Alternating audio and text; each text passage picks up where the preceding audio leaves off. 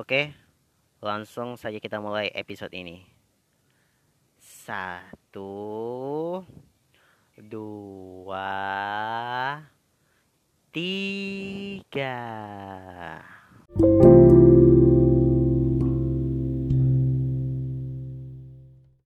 Oke, mari kita mulai teman-teman.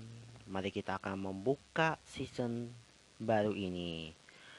Assalamualaikum warahmatullahi wabarakatuh. Salam sejahtera bagi kita semua. Om Swastiastu, nama budaya, salam kebajikan. Selamat datang di season baru. Season 6 podcast berbagi cerita Tyler yang sudah ada di Spotify bersama kita berdua Matakan Saputra dan temanku Tyler King dan kami berdua masih di rumah mudah-mudahan kita semua dalam keadaan sehat selalu dan juga tetap semangat walaupun uh, kerjaan, deadline atau segala macam bisa diselesaikan dengan membaca Bismillah dan diakhiri dengan Alhamdulillah ya. Oke, Selamat datang di season baru, episode baru, season 6. Mudah-mudahan ya dengan pembukaan episode season ini bisa menambah pengetahuan dan wawasan kita terhadap dunia dunia luar ataupun memberikan fakta unik lainnya seputar yang ada di sekitar kita ya guys. Sahabat Laila, kalau kalian ini dengerin episodenya, tolong kasih rating dan jangan lupa untuk follow dan bunyikan lonceng supaya ada notif baru di mana kalau kita kalau ada notif baru kalian pertama yang akan memulai episode ini. Oke kali ini kami mau mengajak kamu untuk disiplin ya menerapkan protokol kesehatan apalagi kan pandemi masih belum berakhir. Pakai masker jangan lupa, jaga jarak, cuci tangan, hindari kerumunan, dan membatasi mobilitas dan interaksi. Kalau yang belum divaksin, ayo segera divaksin agar pandemi ini segera berakhir. Oke, kali ini di episode baru, season baru ini, kami akan membahas satu topik yang kita ramai biasanya kan mungkin adanya culture shock terhadap Indonesia dengan dunia ya guys. Yaitu makan dengan pakai tangan. Nah perbedaan kultur punya kebiasaannya. Makan pakai tangan langsung tanpa alat makan seperti sendok garpu sumpit dan sebagainya. Namun, tahukah Anda, kebiasaan yang sudah dilakukan sejak beberapa generasi lalu ini punya sederet manfaat untuk kesehatan. Makan pakai tangan yang bersih tak hanya memberi makan fisik, tapi juga jiwa dan pikiran. Kita simak yuk. Ada beberapa manfaat makanan pakai tangan yang untuk kesehatan yang sayang untuk dilewatkan berikut. Dikutip dari kompas.com. 7 manfaat makan pakai tangan yang sayang untuk dilewatkan. Yang pertama, melancarkan pencernaan. Melansir Paletin Perstit, saat jari-jari tangan menyentuh makanan, ujung saraf jari otomatis memberikan sinyal ke otak kalau kita mak akan makan. Ya. Gua ulangi, melansir dari Parentin Pers, saat jari-jari tangan menyentuh makanan, ujung saraf jari otomatis memberikan sinyal ke otak kalau kita akan makan. Pesan ini lalu diteruskan ke perut agar segera menyiapkan pencernaan. Organ pencernaan lalu merespon dengan melepaskan enzim atau cairan pencernaan. Dengan begitu, ketika makanan masuk ke dalam mulut, tubuh sudah siap mencerna makanan dan proses bisa berjalan dengan lancar. Berikutnya, menambah jumlah bakteri baik. Banyak orang yang beranggapan makan pakai tangan langsung itu jorok. Tapi faktanya banyak bakteri baik yang hidup di kulit tangan. Flora alami ini dapat menjaga tubuh saat menghadapi serangan bakteri jahat dan kuman lainnya. Dengan begitu, manfaat makan pakai tangan yang bersih bisa membantu meningkatkan bakteri baik sekaligus berguna untuk meningkatkan kekebalan alami sistem pencernaan tubuh. Yang ketiga, mencegah lidah kepanasan. Tangan dapat berfungsi sebagai pendeteksi suhu makanan yang akan masuk ke mulut. Ketika makan dengan sendok atau alat makan lainnya, kadang orang tidak menyadari tingkat kepanasan suatu makanan. Dengan begitu, banyak kasus lidah kepanasan ketika mengkonsumsi makanan tertentu, terutama yang baru matang atau dipanaskan. Namun ketika makan pakai tangan, saraf di ujung jari akan memberitahu otak kita ketika suhu makanan masih terlalu panas sehingga lidah kepanasan bisa dicegah. Melatih otot sekitar tangan. Alasan kenapa makan pakai tangan sehat ya, lainnya yakni bisa menjadi ajang latihan otot terutama buat anak-anak yang sedang belajar makan. Latihan otot tangan ini selain baik untuk mon motorit mot, motorit juga dapat membantu meningkatkan kelancaran aliran darah.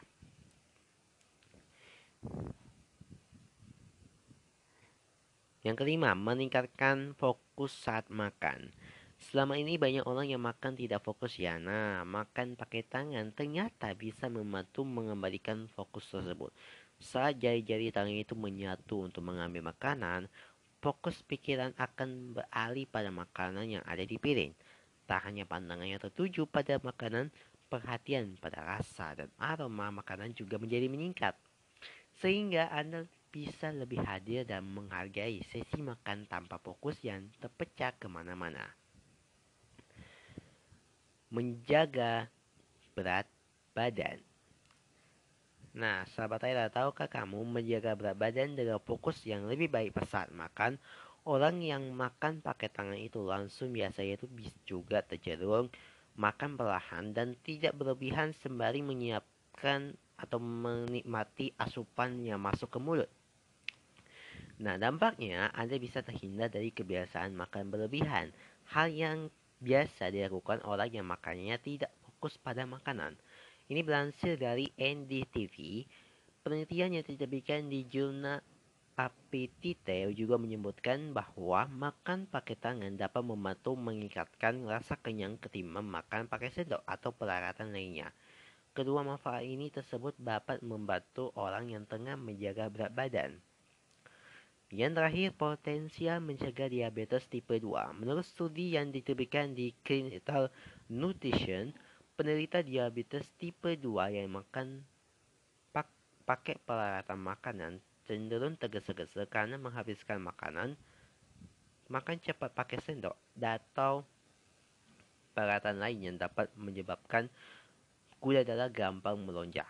Mengingat manfaat makan pakai tangan yang biasa membuat orang makan perlahan, biasanya tuh kebiasaan itu ini jadi potensial untuk mencegah penyakit diabetes tipe 2. Tapi perlu diingat ya, selalu jaga kebersihan tangan, pokok kuku secara berkala, dan pastikan Anda mencuci tangan pakai sabun dan air mengalir dengan benar sebelum makan. Nah, selain itu, jalankan pola makan gizi, lengkap dan seimbang setiap saat agar manfaat makanan pakai tangan untuk kesehatan benar-benar optimal. Oke, itu tadi manfaat makan pakai tangan. Tapi kalau kita membahas ya manfaatnya itu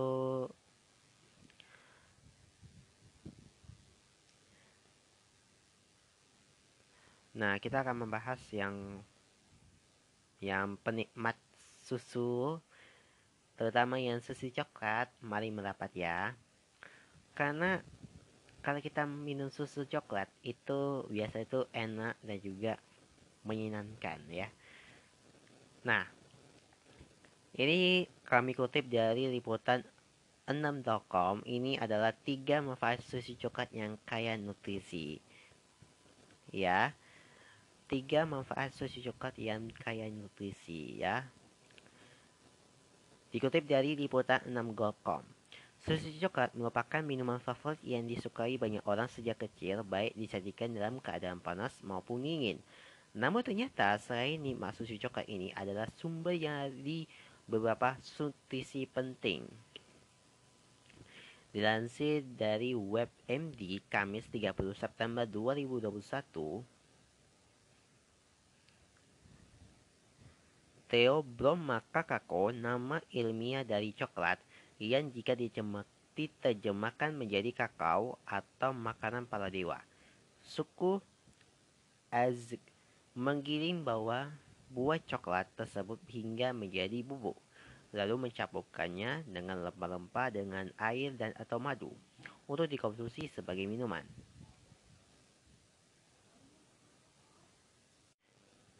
Oke, kita lanjut.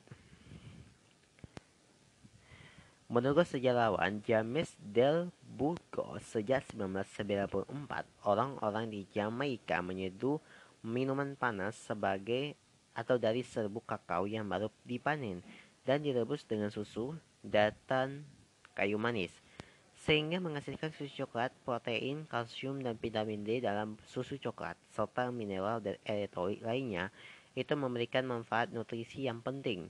Nah, berikut manfaat dari susu coklat yang memberikan banyak nutrisi bagi tubuh. Tiga di antaranya yaitu kesehatan tulang, masa otot dan daya tahan, serta mengalihkan berat badan. Kita mulai yang pertama dulu. Kesehatan tulang. Nah, kesehatan tulang itu susu secara alami kaya akan kalsium dan nutrisi penting untuk tulang dan gigi. Sebagian besar susu diperkaya dengan vitamin D, sehingga kombinasi nutrisi ini menjadikan susu sebagai penambah kekuatan dan kesehatan tulang. Produsen susu di Amerika Serikat mulai menambahkan vitamin D ke susu pada 1930-an untuk membantu menghilangkan rakitis atau penyakit pelemahan tulang. Rakitis itu adalah penyakit yang umum terjadi pada anak-anak dan disebabkan kekurangannya vitamin D sehingga membuat tulang menjadi lebih lunak dan lemah. Pada orang dewasa yang kekurangan vitamin D dapat menyebabkan osteomalacia atau pelunakan tulang yang meningkatkan resiko patah tulang. Kedua penyakit ini dapat dicegah dengan mengkonsumsi susu, mengkonsumsi susu, termasuk susu coklat ya, karena minuman tersebut kaya akan vitamin D. Yang kedua, masa otot dan daya tahan. Susu yang diperkaya protein ini dapat membantu membangun masa otot. Beberapa penelitian juga menemukan bahwa minum susu coklat secara rutin dapat meningkatkan daya tahan agar berolahraga lebih lama. Susu coklat dapat membantu untuk membangun masa otot secara langsung dengan adanya protein dan serta tidak langsung memungkinkan untuk berolahraga lebih lama. Beberapa bukti juga menunjukkan bahwa minum susu coklat mungkin lebih efektif daripada minuman berolahraga untuk meningkatkan daya tahan dan mengurangi kelelahan usai berolahraga. Yang terakhir, mengendalikan berat badan. Tidak seperti minuman kaya gula lainnya seperti jus dan soda, nah susu coklat ini mengandung vitamin atau protein tinggi dan mengandung lemak. Beberapa bukti menyudutkan bahwa protein dan lemak sama-sama membantu untuk merasakan kenyang dan perasaan kenyang itulah yang membuat makanan lebih sedikit. Makanan menjadi lebih sedikit ya. Penelitian menunjukkan bahwa diet dengan tinggi protein, vitamin D yang cukup dan kalori yang lebih rendah dapat membantu menurunkan berat badan. Orang dewasa yang mengalami obesitas dengan meningkatkan asupan protein akan mempertahankan lebih banyak masa otot dan kehilangan lebih banyak berat badan daripada orang yang tidak menambahkan protein ke dalam makanannya. Nah, bagi orang-orang yang tidak dapat mengkonsumsi laktosa atau gula, mereka dapat menggantinya dengan susu coklat bebas laktosa. Namun jika khawatir dengan tambahan tambahan gula atau kalori, maka dapat menggantinya dengan smoothie buah dan madu. Keduanya itu memiliki banyak nutrisi penting bagi tubuh dan kesehatan. Oke, itu tadi manfaat susu coklat yang baik untuk tubuh. Hmm, banyak kali ya manfaat-manfaatnya mulai dari masuk otot, terus juga berat badan, mengerikan berat badan, terus juga ada uh, kesehatan tulang juga yang baik untuk tubuh. Nah, kali ini uh, kita akan membahas yang oh ini nih kasta mie instan tertinggi paling populer favorit netizen yang bikin nila. Inilah kasta mie instan yang tertinggi favorit netizen yang bikin nila. Berbicara mie instan ini mirip seperti membicarakan produk pakaian atau tas favorit. Semua orang memiliki pilihan brand atau varian rasa kesukaan mereka. Selalu menjadi topik menarik di media sosial ya. Mie instan tak selalu dibahas oleh banyak orang. Mulai dari seputar resep viral, kreasi unik dan aneh, sampai rekomendasi mie instan enak versi banyak orang. Ini mengutip dari fooddetik.com. Baru-baru ini netizen itu sibuk membagikan aneka mie instan yang memiliki kasta tertinggi atau yang paling mereka sukai. Lewat kumpulan cuitan dari akun seputar makanan, ada beberapa netizen yang memilih brand mie instan tertentu serta alasan di baiknya. Kalau mie kalau aku mie goreng ya rasa kari ayam. Mie goreng rasa black pepper atau mie goreng Aceh. Tulis yang dipilihannya itu ini disukai oleh 21 pengguna Twitter lainnya. Tata tertinggi dalam mie instan adalah mie. Tidak sebut merek ya. Mie goreng rasa sambal goreng. Keduanya mie ini mie rasa soto. Terus juga ada mie hijau, pedas Korea, terus juga samyang hitam, terus juga yang kelima mie soto terus juga tidak lupa ini pilihan lainnya seperti mie sedap goreng mie goreng mie kuasa. Terus ada indo yang ada tuh mie itu kriuk 8 kali. Terus mie Aceh terus juga mie sakura. Uh. Ini kebanyakan netizen ya memilih memiliki banyak rekomendasi mie instan ya. Namun jika dilihat kebanyakan netizen jatuh cinta dengan brand mie instan dari mie dan ni, oke. Okay? Kemudian disusul dengan brand mie-nya itu ini dan mie ini, mie ABC lah ya. Nah, selain brand mie instan keluaran lokal, yang cukup sering netizen sebutkan ada brand mie instan asal Korea Selatan yang terkenal seperti Samyang, Shin Ramyeon, hingga negori non sim noodle yang kisarannya itu harganya itu lebih mahal di pasaran itu sekitar 15.000 di pasaran ya. Ada juga netizen yang memilih menu mie instan klasik yang disukai sejuta umat dan tidak terlalu memusingkan varian rasa mie instan yang tengah ngetren. Nah, cuitan tentang ini nih, kalau netizen ya, kalau ke supermarket yang dicari itu Indo mie goreng. Yang biasa itu mulu kan. Lidahnya emang suka coba mie instan varian baru apalagi kalau lihat rekomendasi viral tapi nantinya tetap aja paling suka sama rasa original dari Indo mie goreng atau mie goreng juga. Kayak sederhana tapi gak pernah bikin bosan gitu lah oke? okay? Cerita netizen tata tertinggi mie instan bagi para netizen ini cukup menarik ya perhatiannya. Ada lebih dari 639 pengguna Twitter lainnya yang ikut membeberkan brand mie instan favorit mereka. Hmm, kalau kita baca kasta mie instan tertinggi favorit ini yang bikin nil, uh, aku sukanya mie soto, mie soto terus juga ada mie hijau, terus sama uh, yang itu bisa tuh pakai nasi. Oh itu paling enak tuh ya. Tapi gak tahu ya netizen. Bikin lah ya. Oke. Kalau tadi kayak kita sudah membahas custom mie instan tertinggi favorit netizen yang bikin lah. Sekarang kita akan ada memberikan tips juga ya. Tipsnya ini eh biasa lah kayak orang-orang umumnya ya. Tips ini bisa membantu ya. Kita akan membahas tip uh, kita akan memberikan tips tips manajemen waktu. Wah tips manajemen waktu. Pas banget nih yang singnya telat ya. Ada tips sih buat kamu nih yang manajemen waktu sudah kalian terapkan nih ini kutip dari olami.co.id. Ada 8 tips manajemen waktu. Jangan sampai waktu terbuang sia-sia. Untuk memenuhi setiap rencana atau tugas, keputusan untuk menerapkan manajemen waktu sangat dibutuhkan ya. Ini karena waktu adalah salah satu sumber daya yang tidak bisa direproduksi dan tidak dapat diambil alih.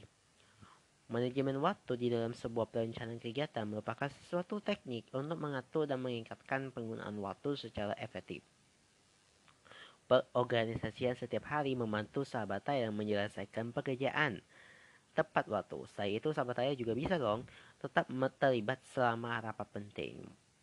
Manajemen waktu yang baik juga akan memberikan sahabat saya ruang waktu untuk memberikan kreatif serta proaktif dalam keseharian sahabat saya semua.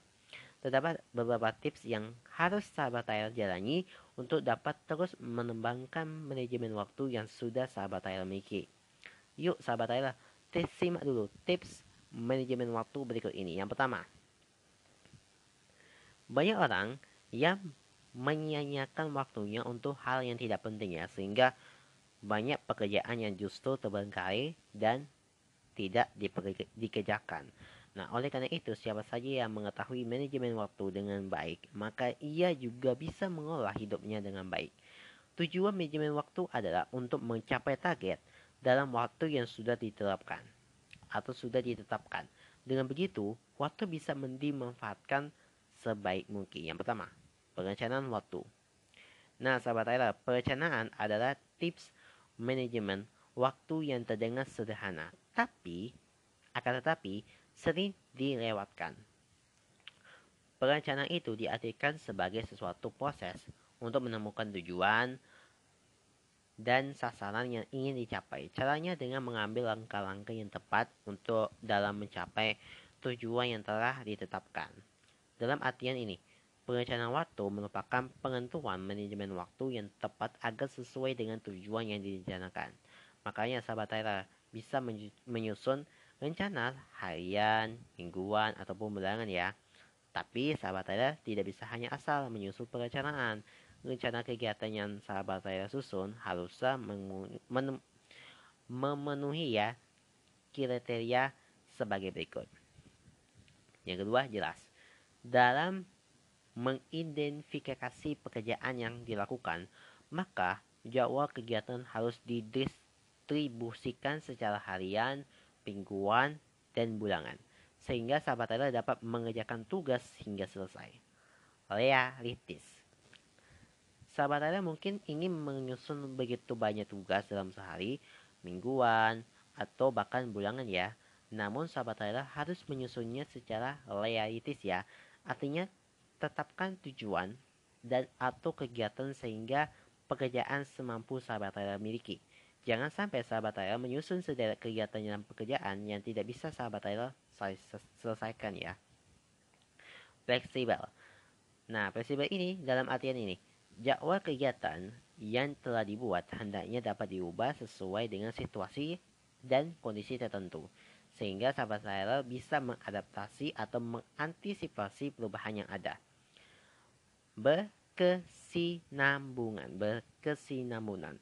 Semoga sahabat Tyler tidak hanya menyusul rencana saat ini ya dan melupakan apa yang sudah sahabat Tyler terapkan dua bulan kemudian sehingga perencanaan waktu ini bisa menjadi pola yang berkesinambungan. Yang kedua, tingkatkan kemampuan berkomunikasi. Setiap pekerjaan mungkin akan mengharuskan sahabat Tyler untuk berinteraksi dengan banyak orang ya. Maka dari itu kemampuan berkomunikasi akan sangat dibutuhkan. Kemampuan berkomunikasi yang baik akan membantu sahabat Tyler itu untuk menjalin relasi yang baik dengan orang-orang yang bekerja sama dengan sahabat Tyler. Jika sudah terbangun relasi yang baik, maka setiap hal akan dapat lebih nyaman dibicarakan. Nah, sahabat Tyler akan dengan mudah membuat orang-orang itu mengerti sadar kerja yang diinginkan. Dengan segala hal yang dapat dilakukan dengan cepat, tentunya juga merupakan bagian dari manajemen waktu yang lebih efektif. 3. Disiplin waktu. Kedisiplinan yang tinggi sangat diperlukan ya. Tanpa adanya kesip, kede, disiplin ya tanpa adanya disiplin sahabat saya itu tidak akan konsisten dalam mengikuti jadwal dan menyelesaikan pekerjaan sahabat Tyler perlu membiasakan itu bekerja dengan disiplin. Dengan kata lain, sahabat Tyler tidak mengunda pekerjaan. Sikap tidak disiplin inilah yang membuat pekerjaan itu semakin lama dan menumpuk serta tidak diselesaikan. Keempat, buat prioritas. Terlalu banyak pekerjaan juga bisa membuat manajemen waktu sahabat saya berantakan ya. Nah untuk itu, sahabat saya itu juga harus memprioritaskan pekerjaan dalam empat bagian. Yang pertama, penting dan menghasilkan. Yang kedua, penting tetapi tidak menghasilkan. Ketiga, tidak penting tetapi menghasilkan. Yang keempat, tidak penting serta tidak menghasilkan. Kerjaan Kerjakan pekerjaan dalam golongan pertama, disusul dengan pekerjaan dalam golongan lain. Jika sudah mengandai sebuah pekerjaan sebagai prioritas, maka tidak boleh ada hal lain yang bisa membuat pekerjaan tersebut menjadi tertunda. Abaikan semua gangguan yang datang sampai pekerjaan prioritas tersebut selesai secara tuntas. Yang kelima, tentukan tengah waktu. Setiap pekerjaan yang sahabat saya lakukan harus punya batas, atau tengah waktu yang pasti. Jangan biasakan untuk memiliki sifat yang karet. Hal ini untuk memastikan bahwa sahabat saya bisa menyelesaikan pekerjaannya dengan baik dan tepat pada waktunya. Dengan waktu yang juga melatih sahabat saya untuk lebih bertanggung jawab terhadap pekerjaan yang diembangkan atau tengah waktu setiap pekerjaan dan beri jeda sebelum melakukan pekerjaan berikutnya. Jeda ini bertujuan untuk memberikan sahabat Tyler berkesempatan untuk melakukan evaluasi apakah pekerjaan tersebut sudah selesai dengan arahan dan tujuan atau harus direvisi. Dengan demikian, pekerjaan pun dipastikan punya kualitas sesuai standar yang diterapkan perusahaan. Nah, sahabat Tyler juga harus patuh nih terhadap tengah yang sudah ditentukan. Mengabaikan tengah waktu hanya akan membuat kerja jauh lebih efektif dan tidak akan produktif. Keenam, berani mengambil berani mengambilkan berani mengambilkan keputusan. Pengambilan keputusan bukanlah hanya dibutuhkan di dunia kerja saja ya, melainkan juga dalam sebuah aspek kehidupan. Untuk sebagian orang, memutuskan sesuatu mungkin saja bukanlah hal yang mudah ya. Jika sahabat saya tidak pernah belajar untuk mengambil keputusan, akan ada banyak waktu terbuang karena harus berpikir dan mengimbang-imbangkan dalam berbagai hal. Manajemen waktu tidak akan berkembang jika sahabat Anda tidak dapat mengambil keputusan untuk dirinya sendiri. Lalu mulailah belajar untuk mengambil keputusan dengan bijak dan berani untuk mengambil risiko. Karena sesungguhnya risiko akan membuat dirinya semakin berkembang. 7. Hindari multitasking. Multitasking memang terkesan hebat ya, padahal melakukan banyak hal dalam waktu yang bersamaan hanya akan membuat sahabat Anda tidak fokus pada pekerjaan utama. Kalaupun pekerjaan bisa selesai pada waktunya, hasilnya pun pasti tidak akan optimal. Sedikit informasi ya, ketika seseorang dipaksa untuk melakukan multitasking, ketika maka otak akan bekerja jauh lebih keras dari biasanya. Kelelahan otak akan membuat tubuh cepat lelah dan membuat atau mudah mengalami stres. Selain itu, kemampuan menyimpan memori terutama small time memory akan menurun. Penelitian dari Maitus menunjukkan bahwa ketika seseorang melakukan tugas satu ke tugas yang lain lebih dari 10 kali dalam sehari berpotensi membuat kinerja otak menurun. Akibatnya, pekerjaan pun jauh dari kata efektif dan produktif. Fokuslah pada pekerjaan utama sahabat Anda ya, maka hasilnya itu akan lebih produktif. Yang keempat, istirahat yang cukup. Setiap menyelesaikan waktu, setiap menyelesaikan satu pekerjaan, beri kesempatan tubuh dan otak sahabat Tyler untuk beristirahat. Tak usah lama-lama deh, sekitar 10-15 menit saja. Gunakan waktu istirahat itu sedegar mengenakan otot bagian yang kaku, atau menghirup udara segar di taman kantor, atau merasakan langsung meneruskan ke pekerjaan berikutnya hanya akan membuat hasilnya itu tidak maksimal. Bagaimana Bagaimana pikirannya sahabat saya harus disegarkan kembali, memanas oleh pekerjaan selanjutnya. Segarkan pikiran dan tubuh dengan cara alami seperti berjalan-jalan keliling, sekeliling ruangan, ruangan kan, itu jauh lebih bermanfaat dibanding beristirahat sambil memainkan smartphone. Nah itulah tadi sahabat Tyler 8 tips manajemen waktu yang harus diikuti agar waktu yang berjaan bermanfaat dengan baik. Selamat mencoba ya. Nah, sahabat Tyler, kita sudah akhir di penghujung acara. Jangan lupa untuk follow, bunyikan lonceng, dan kasih rating. Supaya kita bisa menghasilkan konten yang lebih baik lagi. Jangan lupa juga untuk follow aku Twitter at podcast underscore Tyler dan IG podcast cerita Tyler. Jangan lupa di follow ya. Dan kami akan selalu hadir menemani kalian setiap hari Senin, Rabu, dan Jumat di Spotify. Pastinya kita ketemu lagi di podcast berbagi cerita Tyler episode selanjutnya. Kami pamit, saya Marika Saputra dan temanku Tyler King dari rumah. Sampai jumpa.